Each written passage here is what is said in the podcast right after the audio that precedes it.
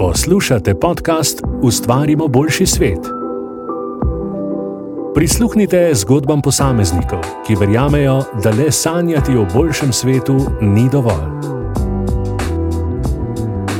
Podcast omogoča Lidl Slovenija.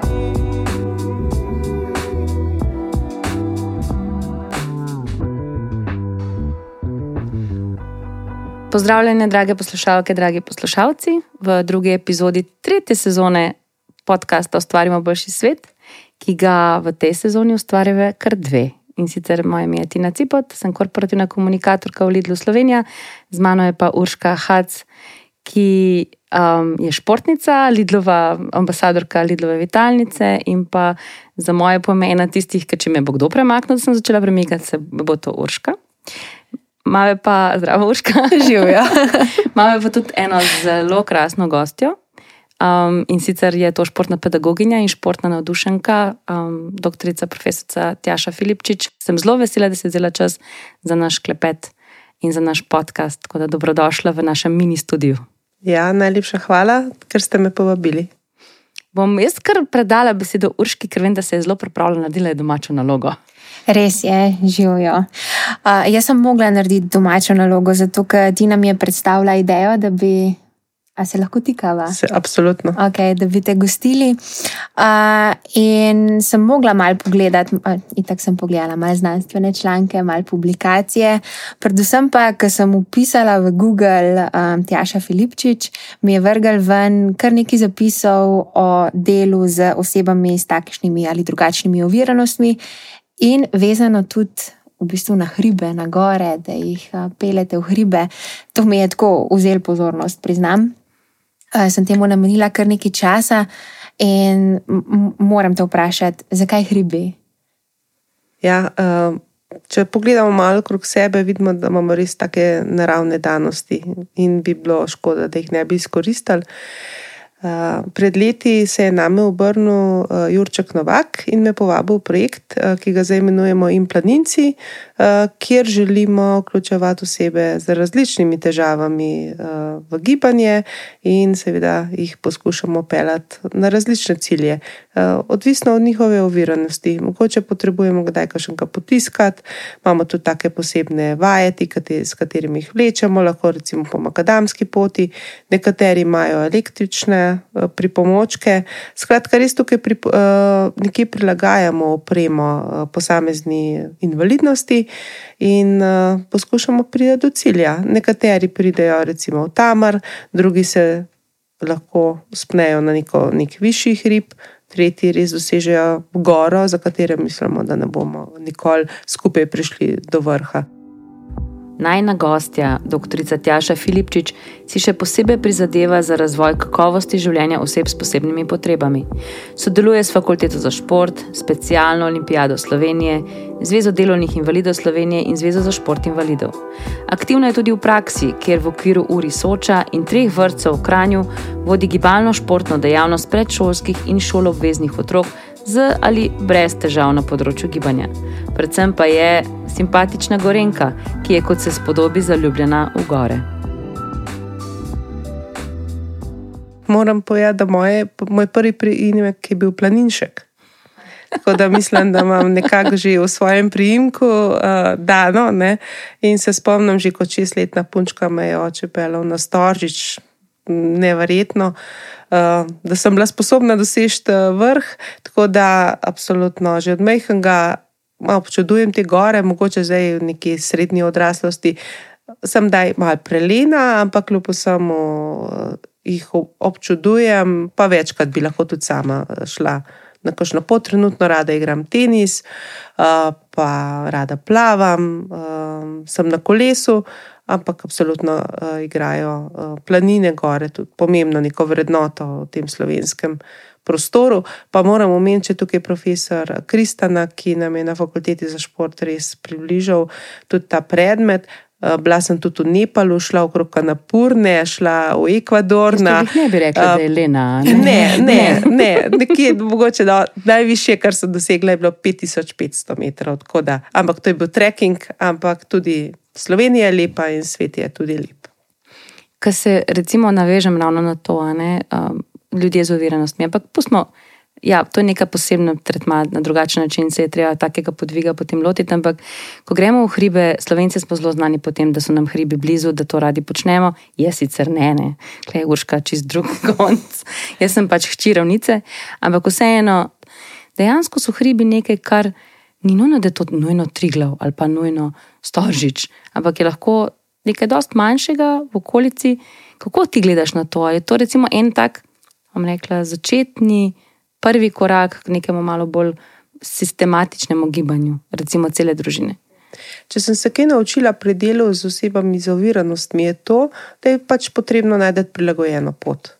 Torej, moramo v tem uživati. Če imamo mehne otroke, da imamo mogoče kakšno družbo, čakali nas bojo na vrhu in bo rekel, mami, a si mogoče zašla. Uh, skratka, ne bo nobenih težav. To se pravi, da se polotiš kakšnih takih malih trikov, ne? to se pravi, da si najdeš ustrezno pot. Absolutno mora biti na koncu tudi uh, hrana, to se pravi, da pojemo kaj dobrega, da imamo dobro družbo in v bistvu med samo hojo. In če imamo nek pogovorni tempo, bomo uživali v tem. Seveda, če bo pa nek cilj ali pa neka pot prezahtevna, nam pa ne bo fino. To se pravi, to, kar je enako za ne glede na to, ali imamo osebo z oviranostjo ali imamo normativno osebo, moramo najti neko ustrezno pot, kjer nam bo dobro. Mogoče, da se na, pot, na poti nekaj tudi malo potrudimo, brez tega v življenju ne gre. Uh, in če imamo tu dobro družbo, je to res lahko prijetno s koristnim. Uh, to se mi zdi zelo pomembno, da najdemo to se pravi družbo in pa tudi ustrezno pot. No, in kakšni so pa recimo vtisi teh oseb, ki usvojijo nek vrh? Oh. Za nas vemo, da ko usvojiš nek vrh, mislim, kakšne občutke imamo, ne tega zadovoljstva, kako je pri njih. Oh, to bi vam lahko zgodbe in zgodbe razlagala. Recimo, moja prva služba je bila na Zvezi paraplegikov Slovenije in ko sem prvič peljala tetraplegike na, na Jošta, svetega Jošta nad Kranjem. In ko so, mi, so se mi na vrhu zjokali, so rekli, da bomo mi še kdaj videli te gore.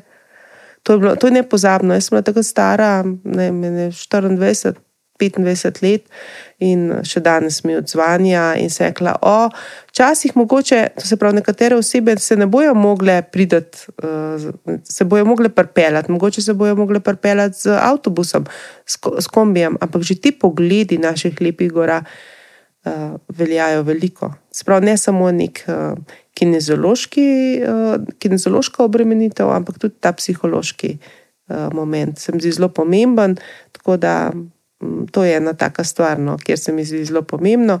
Vedno pa poskušamo tudi v okviru in planinec najti take poti, ki so za njih primerne. Imamo mogoče osebe z motno v duševnem razvoju, kjer vemo, da je nižja gibalna učinkovitost, to se pravi, bomo mogli najti um, relativno ne pred strmo pot, ravno prav dolgo, to, torej da bojo v tem uživali. Tjaša posebno pozornost posveča tudi socializacijskemu momentu, ki ga seboj prinaša šport. Druženje, poštena igra, upoštevanje pravil, komunikacija med člani neke športne ekipe, vse to je nujno in tako se tudi skozi šport mladi lahko naučijo marsikaj. Tudi to, da je pomembno sodelovati, pa naj bo kot ekipa ali pa v samem športnem dogajanju in ne le vedno zmagovati. Ja, moja pedagoška duša včasih prav srce boli. Ko gledam, recimo, mlade, ki sedijo za mizo in vsak ima, seveda, v roki telefon, in v bistvu oni se pogovarjajo. Vse tako so mi razložili, da se pravi, oni se ne pogovarjajo tako, da si pogledajo oči in se pogovarjajo tako, kot bi se nekako eh, normativni človek, ampak se prek telefona. In se rečem, joj, kako bi jim vzela vse te telefone in.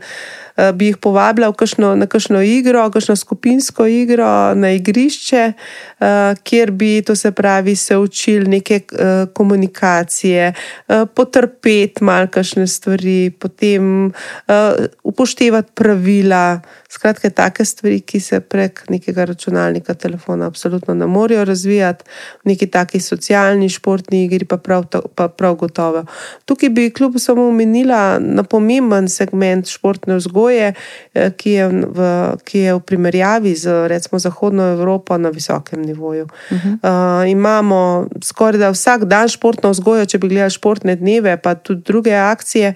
Uh, skratka, joj, da bi tole ostalo in da bi lahko te socialne vrednote uh, vem, ohranjali, vsaj na tem nivoju, ki, jih imamo. Čeprav naši strokovnjaki na fakulteti za šport, uh, ekipa eh, dr. Juraka, dr. Starca, ugotavlja, kako se gibalna učinkovitost dejansko slabša, in da bi pa imamo tudi. Tukaj je tudi ta socialni moment, skratka, zelo pomemben. Uh, recimo, da delam dobrih 30 let na tem področju športa invalidov in ta, ta segment se mi zdi mogoče najbolj pomemben. To se pravi, da je človek človek, človek, eh, ki komunicira, se pogovarja, ga gleda v oči, eh, se mu opraviči, če je potrebno. Ga daj ki pohvali, skratka, na take vrednote, ki jih ne moramo razvijati prek. Dejansko v bistvu gibanje ni več ta neka prioriteta. Čeprav mi dva smo se zanj pogovarjali, da gibanje je nekaj, kar je v človeku ko je mehen. Uh mhm. -huh. Otroci uh mhm. -huh. so neprestano naokrog. Ja, nek... Kaj se pa zgodi?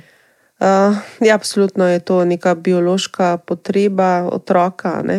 Uh, omenila si družino, absolutno, to je te vrednote. Ta potreba po gibanju se dela od nič naprej. Uh, zelo težko bomo neke uh, vrednote spremenjali v času adolescence. To je zelo težko. Ne? Včasih starši poslušam, ker rečejo, je noč pa noč noče iti ven.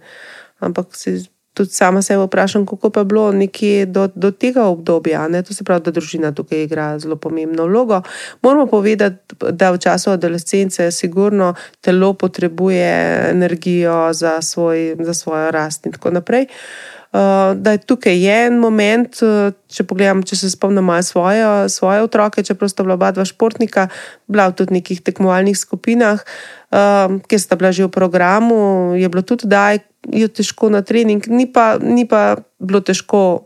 In sta to ohranila, zdaj, ko sta tudi stara 23-26 let, ima jaz tam vzor, meni da je meni naroden, ne sta ona dva veliko bolj aktivna in se rečem, da nekaj smo naložili.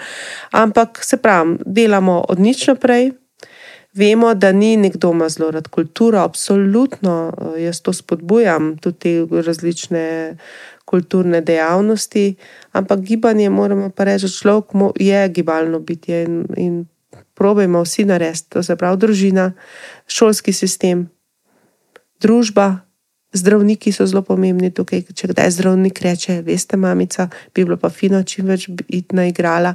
In potem rečejo mamice, jo, jaz sem bila pri zdravniku, pa je rekla zdravnica, treba se bo gibati. Tako da tudi oni sporočajo vedno več, moram reči, tukaj je slišati jih. Uh, da neki sistemi so postavljeni. Um, Ja, da je pa res telefon, da zaklen, da tudi v hladilniku skrinjo, ne vem kamorkoli, da dobimo otroke. Dobre spet. ideje, pravzaprav. Ja, živim, živim v Kranju, pa sem tako vesela, če jih vidim, da živim res v okolju, ki je blizu uh, športnega okolja. Pa je, kdo pa samo vidim tudi otroke. No, tako da ne bi bila tukaj tako črnogleda.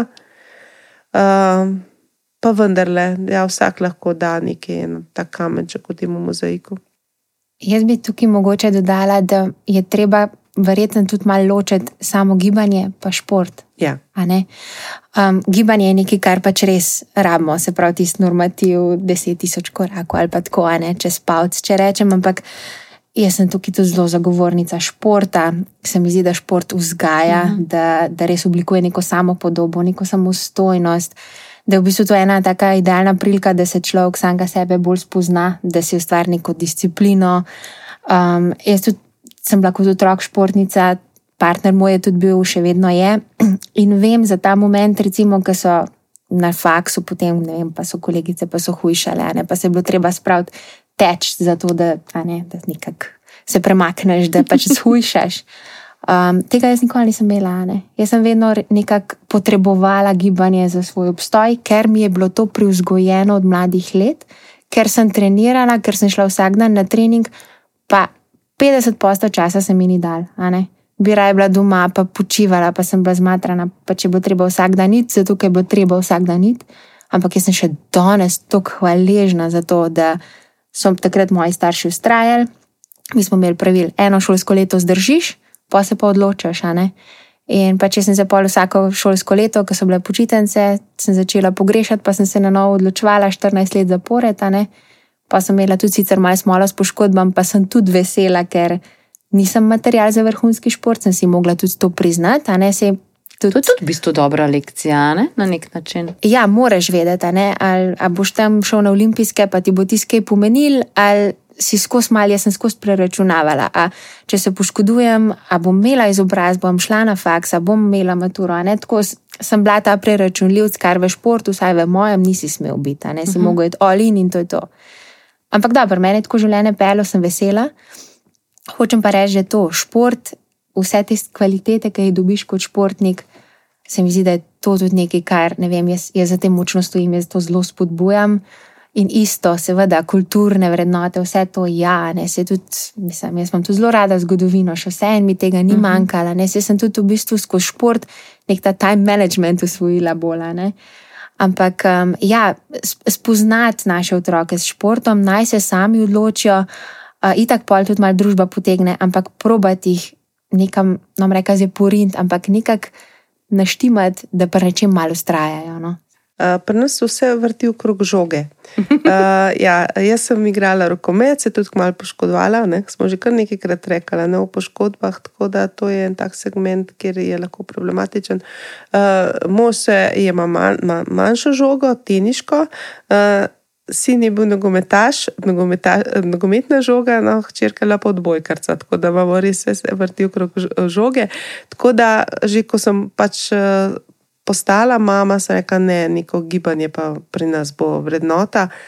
In sploh v bistvu, kar je bilo možno, vsak trenutek je bilo možno, smo šli na kolo, smo šli na rolerje, smo šli uh, na igrišče. Skratka, sploh je bilo to, sploh se mi ni zdelo, da bi kaj razmišljala, kaj strokovno, ker se mi je zdelo to prav nekako na obvezano, da, da smo gibalno dejavni. Nisem si, absolutno nisem imela zdaj želje imeti neke tekmovalce, otroke pa sta šla na nekem nivoju, sta bila in smo jih podpirali maksimalno, kar je bilo mogoče, tudi na tak način, da smo kdaj kakšne dopustke predstavili. To se pravi, če je bila tekma, ker sta bila v športnih igrah, to se pravi, ne more ekipa biti brez enega igralca. Tako da se nam je zdelo to tudi pomembno in nam to ni bila neka žrtev. Uh, tako da Uh, ne vem, tudi samo, od, kar spomnim, se ukvarjam z gibanjem in se mi zdi to prav nekako, da, da spoh ni bilo treba kaj dosti razmišljati. Ne. Imela pa sem neke strokovne, uh, strokovne podlage, nisem si želela, da bi bile kakšne poškodbe, kar se tiče otrok. Tako da pa včasih ne, ne moš tega nadzorovati, lahko pridejo tudi. Kakšne take težave. Jaz sem malo navezala na to, kar je Urška rekla, pa zdaj ti bom po mojem ukradla vprašanje. Ampak Urška je pač rekla tudi to, da pride do neke discipline, do, pri vzgojiti v bistvu športnik, mm -hmm. time management in podobno. Ali šport, zdaj zelo direktno vprašanje, ali imamo kakršne koli študije ali kakršne koli raziskave, ki to potrdujejo, ali šport podpira v bistvu tudi direktno vpliva na učni uspeh. O, to je bilo kar precej raziskav narejeno. To se pravi, da sem na pedagoški fakulteti, kjer uh, sodelujem, oziroma sem sonosilka predmeta psihomotorični razvoj in učenje in prav uh, študentom, to so uh, bodoče specialne pedagoginje, pa logopedinje. Uh, tudi prikazujemo primere učenja skozi gibanje. In recimo, že en prav tak primer, eh, ali si, kdaj si kakšne stvari lažje zapomnimo, ali takrat, ko jih napišemo, ali takrat, ko jih natipkamo. In recimo, raziskava je ugotovila, da si mhm. veliko bolj zapomnimo, če zapišemo. Ker je veliko bolj taka motorična akcija, in ker je tudi pritisk eh, s pisalom na podlago. Uh, skratka, en tak res tak praktičen primer, potem poučevanje, eh, recimo tujih jezikov skozi gibanje, poučevanje matematike, naravoslovja. Skratka, to so vsi predmeti, kjer je kar veliko tudi gibanja, čeprav mislimo, da temu ni tako, ampak sigurno držanje geometrijskega šestila, ravnila. To so vse take motorične, fino motorične akcije. Eh, ki so tudi zelo pomembne, in pri katerih imajo, prav naši otroci z določenimi težavami, kar precej težav. Tako da eh, vprašanje, da odgovorim, absolutno. Tudi, recimo, profesor Strel je ugotavljal, da so bili uh, srednje šolci, gimnazijci, tisti, ki so imeli višjo gibalno učinkovitost, izmerjeno s športno-zgojnim kartonom, so bili tudi veliko bolj uspešni na maturi tudi ta povezava uh, je bila ugotovljena. Tako da, ja, absolutno zelo pomembno. To se jaz lahko zdaj navežem. Pred parim tedni smo imeli v vrtu roditeljski sestanek in so nam povedali, ne se sekirati, če vas otrok ne gleda, pa zraven se igra, ker mu vi nekaj razlagate. Verjemite, da vas bo bolj slišal, pa si bolj zapomnil, kot pa če vas gleda nepremično, takrat si bo verjeten manj zapomnil. Verjeten gre kle za zelo podobno zadevo. Se pravi, takrat, ko je nekako motorično aktiven ali nekaj sestavlja ali nekaj skače, koliko mu gre več v programu software, ter kar pa če, če te nepremično gleda, ne, kar pač v bistvu od mehkega dvoletnega, triletnega otroka ne moreš tega zahtevati. Ne.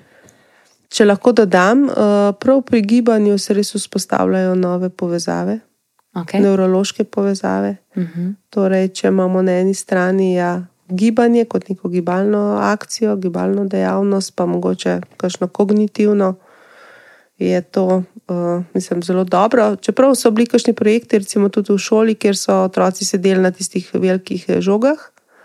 Pa potem ni bilo prav velike pozornosti in koncentracije, pa potem so ti žoge šle iz šole ven. Da, no. Ampak po mojem, ki se navadijo, da je žoga del njihovega učnega procesa, bi po mojem šlo lažje. Na začetku se morajo pa dati pač to ven iz sebe, da pač to igra. In mm. mislim, da pri otrocih včasih morda res malo prehitro pričakujemo, v bistvu preveč. Mm -hmm. Am, ampak kje pa motivacija tukaj, kako pa zmotivirati? Ja, in tako dober primer je recimo gozdna pedagogika, če ste slišali v ja. zadnjem času, kjer gre recimo zdaj, to se pravi, učni proces ven iz neke klasične predavalnice. Eh, tudi na naši fakulteti imamo kolega, dr. Torkar, ki spodbuja na področje naravoslovja spodbuja to gozdno pedagogiko, se pravi učenje v nekem takem zelo dinamičnem okolju, kot je narava. Pa imamo tudi primere, recimo orientacija, ne, iskanje zaklada, tudi zopet v naravi. Tako da jaz, meni narava veliko bližje. Ne, da, če bi lahko neki del nekega učnega procesa dali iz predavalnice ven v okolje, jaz mislim, da bi tudi dosegali in tudi raziskave nakazujejo, da se dosežejo višji cilji, mogoče proti učni. No, ja. Definitivno je tudi tukaj pri nas v Sloveniji zelo pomemben, kje živimo. To smo se že mi da večkrat mhm. dotaknili. Se mi zdi, da v centru, sploh Ljubljana, tako bolj urbano okolje, to vse skupaj malo težje, mi kar na Bledu, na Gorenskem, ne vem, se mi zdi avtomatično, otroci so zunaj, tudi vrci so tako nastavljeni že um, in vsi to počnejo, ne, tudi potem družba potegne. Medtem, ko ja, ni treba, da so zdaj neki hribi, pa da te nekam potegne ven, ampak dejansko ne, lahko je prav to, prav park ali pa gozdiček ali pa nekaj, da gre človek pač samo ven, pa se stavlja ali pa otrok se stavlja tiste vejce, pa tako ne, je lahko že dost. Ni treba, da je zdaj ne vem kako pohotane. Ja, se mi zdi, da je to tisto slovensko, all in ali pa ne, ja, ja, ja. če ne bomo grih na triglo, pa ne gremo tudi ne do sosednje vasi pa nazaj. Ne?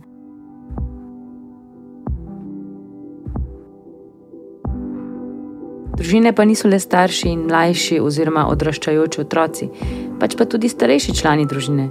Zato me zanima, ali Tjaša kot pedagoginja, katere poslanstvo je spodbujanje gibalno-športnih aktivnosti vseh otrok in mladostnikov s ciljem čim bolj kakovostnega razvoja bio-psihosocialnih razsežnosti posameznika, enako misli tudi v športu o gibanju starejših.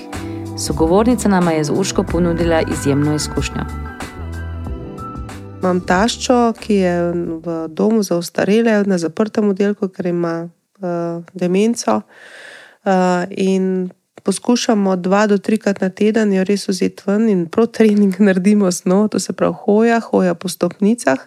In uh, če je toliko dobra, ji damo tudi za zlikati, ker tudi likanje je zelo dobra, neka taka gibalna dejavnost. Uh, in, in vi bi mogli videti mojo taščo pred likanjem, pa po likanju in se rečem, nikoli ni, nikoli ni prepozno.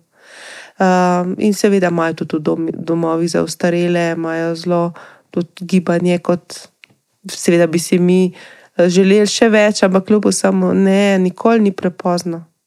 Nikoli ni prepozno in res to, kar smo se tudi pogovarjali, tokom našega pogovora, najdete nekaj, kar ti je dobro. In to, recimo, uh, ko smo se pogovarjali, ker tudi se pogovarjamo o osebah s posebnimi potrebami.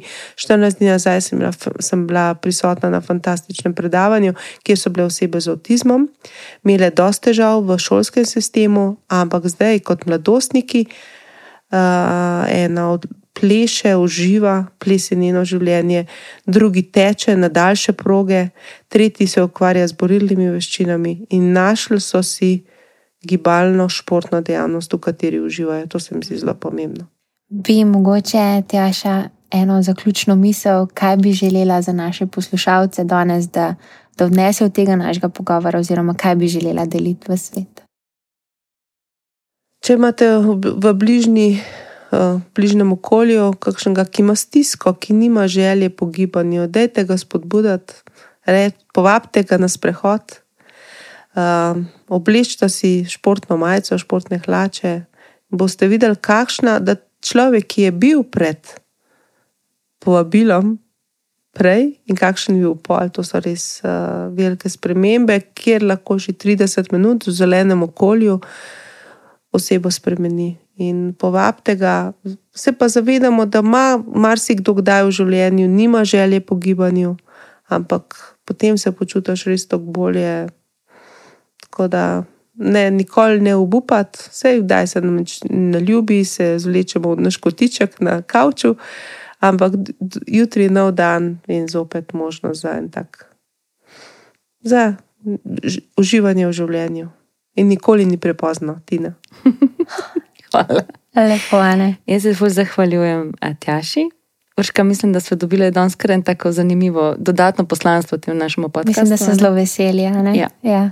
Hvala, Tjaša, Ja. si bila naša gostja. Hvala za povabilo. In uh, se mi slišimo prihodnjič, mi dve zvuško že tuhtava nove goste. Yes. Tako. Hvala. Ne zamudite novih epizod podcasta Ustvarimo boljši svet. Naročite se na Applevi ali Googlovi platformi za podkaste, pa tudi na Spotifyju in Deezerju.